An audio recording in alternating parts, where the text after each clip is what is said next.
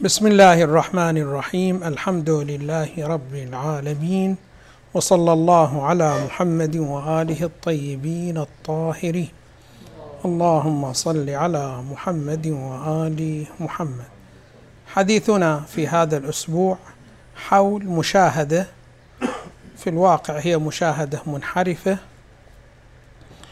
ولكون الكثير مبتلى بكذا مشاهدات فراح يكون حديثنا حول هكذا مشاهدة وهكذا مشاهدات.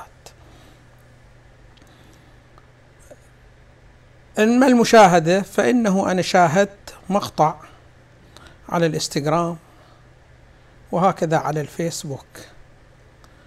فرأيت رقم مهول جدا من المشاهدين لهكذا مقطع. فقلت لا بد لي من مطالعة هكذا مقطع. طالما الذين شاهدوه ما يقارب من ثلاثمائة ألف أو أربعمائة ألف شخص علي أجد فائدة من الفوائد في هذا المقطع.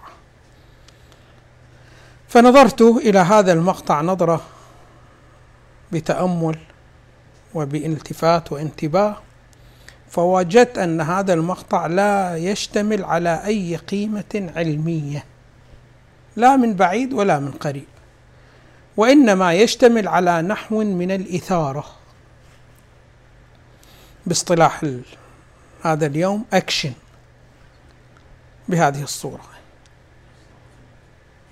فتأسفت إلى هذا العدد الكبير جدا جدا بأنه يشتغل بمطالعة مقطع ويضيع وقته في مطالعة هذا الوق... هذا المقطع ليس لأجل شيء وإنما فقط لأجل الإثارة.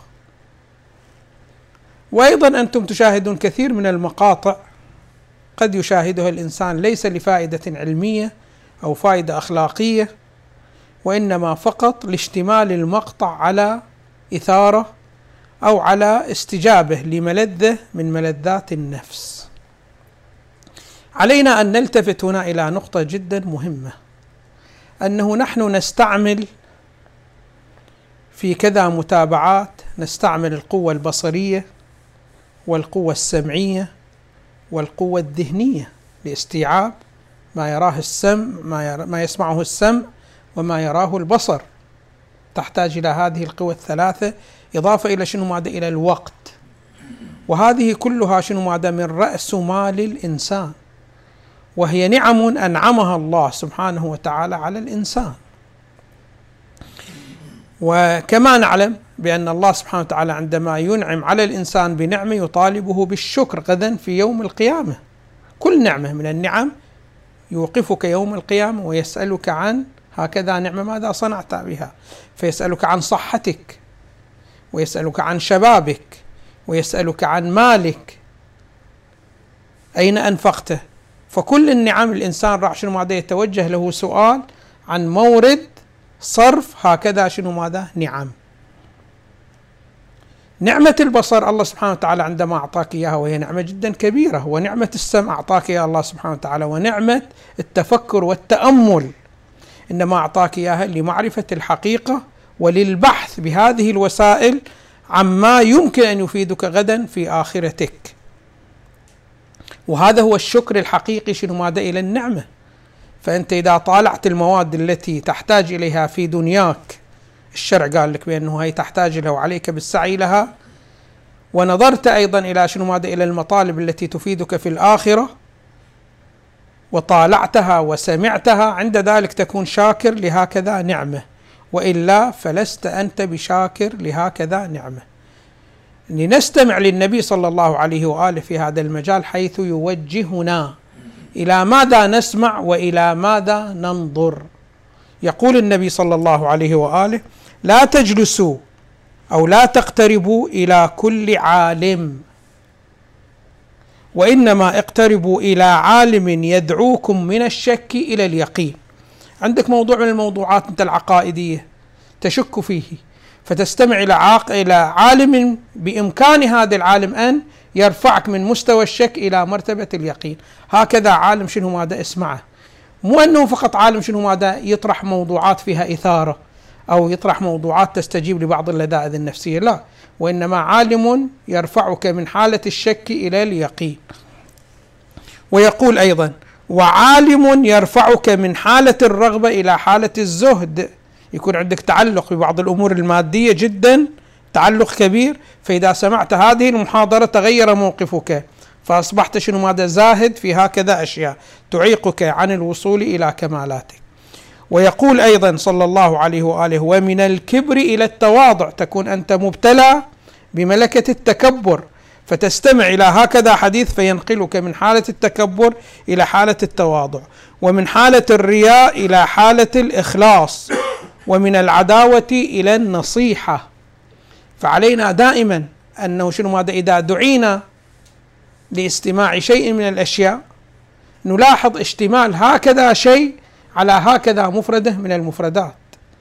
فلا نقصد الشيء فقط لأنه يحقق لنا شنو ماذا؟ استجابة إلى ملذه نفسية أو شنو ماذا؟ أو مشتمل على الإثارة وإلى آخره. بالآخرة هذه شنو ماذا؟ رأس مال السمع والبصر والمكنة والقدرة على استعمال هذه الأمور والتأمل وغدا سنسأل عنها. فعلينا أن نجيد التصرف وأن نجيد شنو ماذا؟ الاستعمال. الأمر الآخر الذي أريد أن أشير إليه أنه الإنسان عليه أن يلتفت إلى نفسه. ففي نهاية كل أسبوع أو نهاية كل شهر لا أقل ينظر شنو ماذا؟ إلى نفسه. هذه المقاطع التي أنا لاحظتها في خلال هذا الأسبوع أو في هذا الشهر ماذا استفدت منها؟ فإذا كان شنو ماذا خمسين في المئة من المقاطع التي شاهدتها لم أستفد منها شيء بالنسبة لجانبي الأخلاقي بالنسبة لجانبي الشرعي بالنسبة إلى جانبي الأخروي لجانبي العقائدي فعلي شنو ماذا أن أصحح شنو ماذا الطريقة وأصحح شنو ماذا الاستفادة من هكذا وسيلة من الوسائل.